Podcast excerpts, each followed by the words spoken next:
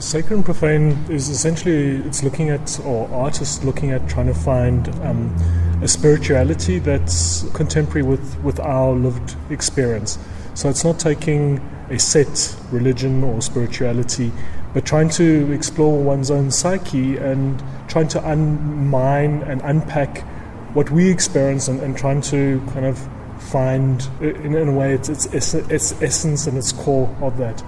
And um, the title, Sacred Profane, looks at, at essentially the two um, poles of human experience. So the, the kind of aesthetic religious experience and the kind of mundane, everyday, crass experience. And saying these are the two poles of human experience, and we're interested in the full spectrum in between, but also collapsing those two so that you, you, you begin to collapse the, the dualities and you're looking at the whole.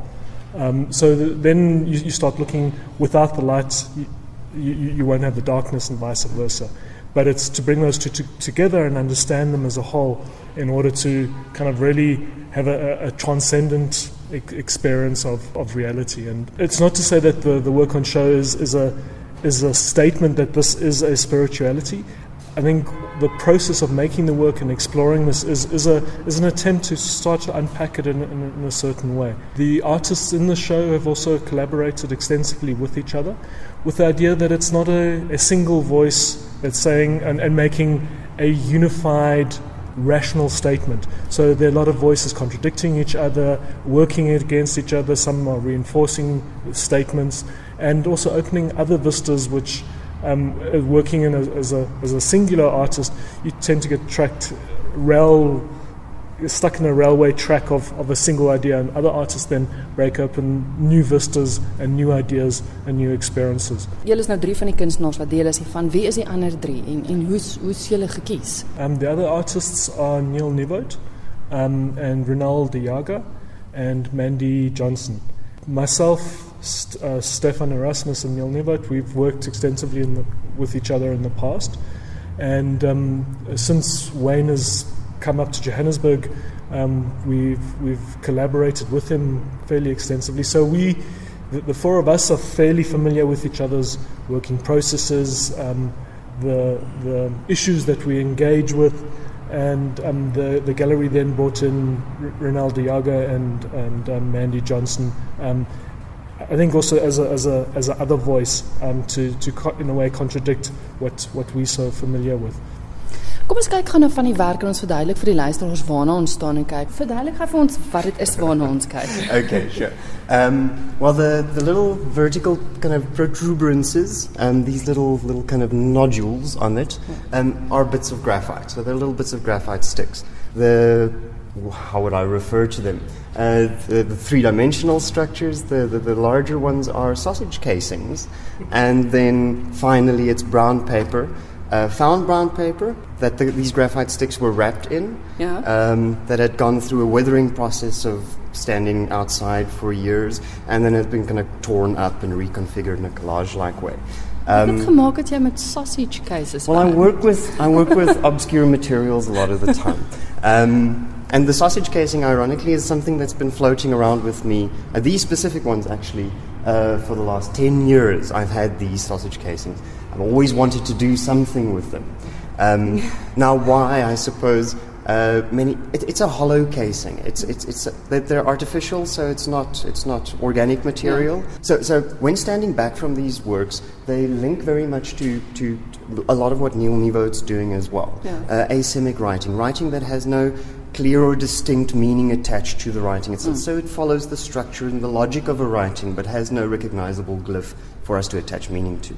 So, again, linked to the kind of creation myth, and there are multiple things that start linking to it then. The hollow tube, for example, again, is something that, that that's a bridge of sorts, something that communicates uh, a top to a bottom, mm. sometimes through a kind of slightly erratic pathway.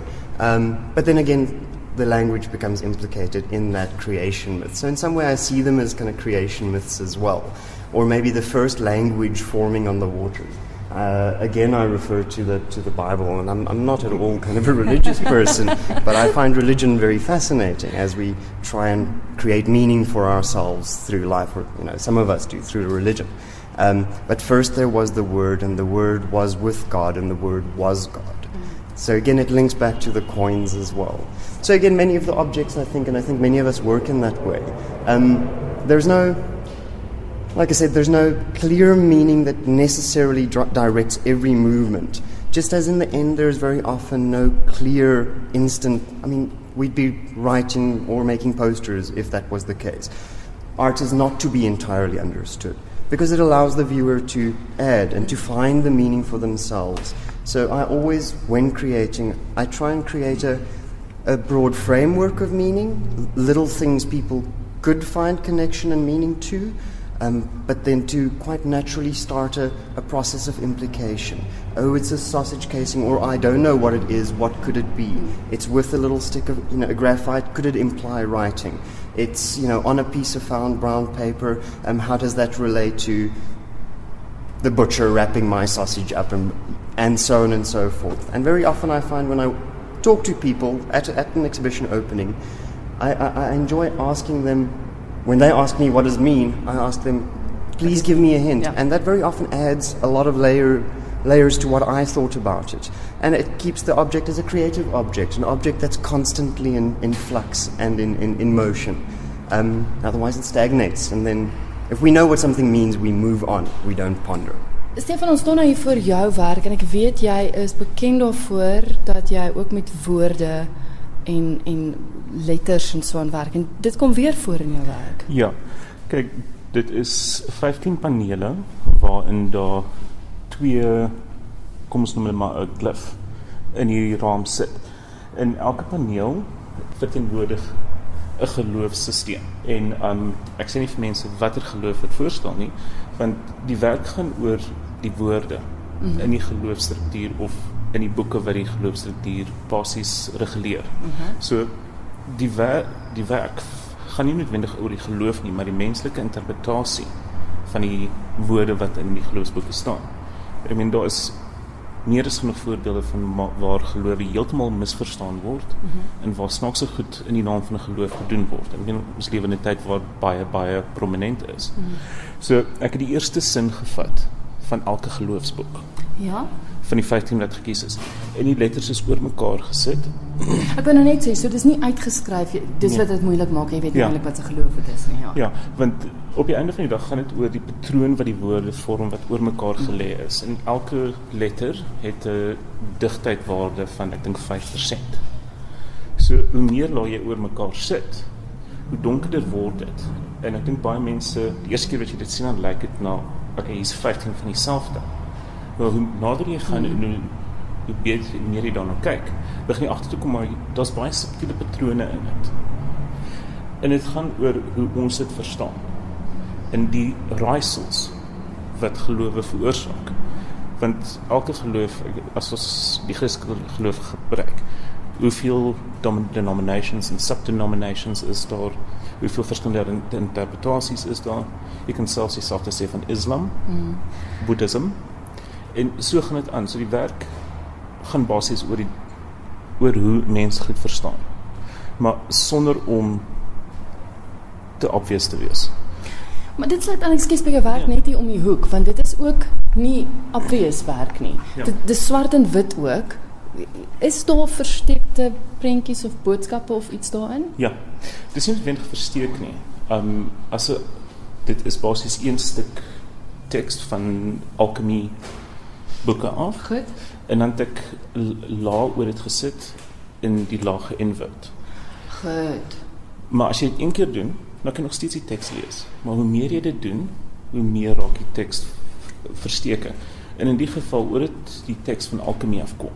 Mm -hmm. In die alchemie proses moet jy as jy die philosopher's stone bou, dan moet jy op een of ander stadium die rooi koning en die wit koningin saamsmelt om by die philosopher's stone uit te kom. En in die geval kyk mense na die positiewe en negatiewe. Jy kyk weer na twee binêre um alternatiewe maniere om na iets te kyk. Mm -hmm. En in die geval in alchemie word dit baie duidelik verduidelik as 'n manlike manier en 'n vroulike manier. So ek dink dit begin interessant te raak in hoe 'n mens teks verstaan in terme van waar vandaan af jy lees. En ek dink vir my daar's 'n verskriklike mooi oor die inkomste tussen my werk en Neil se outomatiese skryfwerk. As ook as ons teruggaan na die geloofs ehm um, werke, die duality wat daarin hmm. verskyn.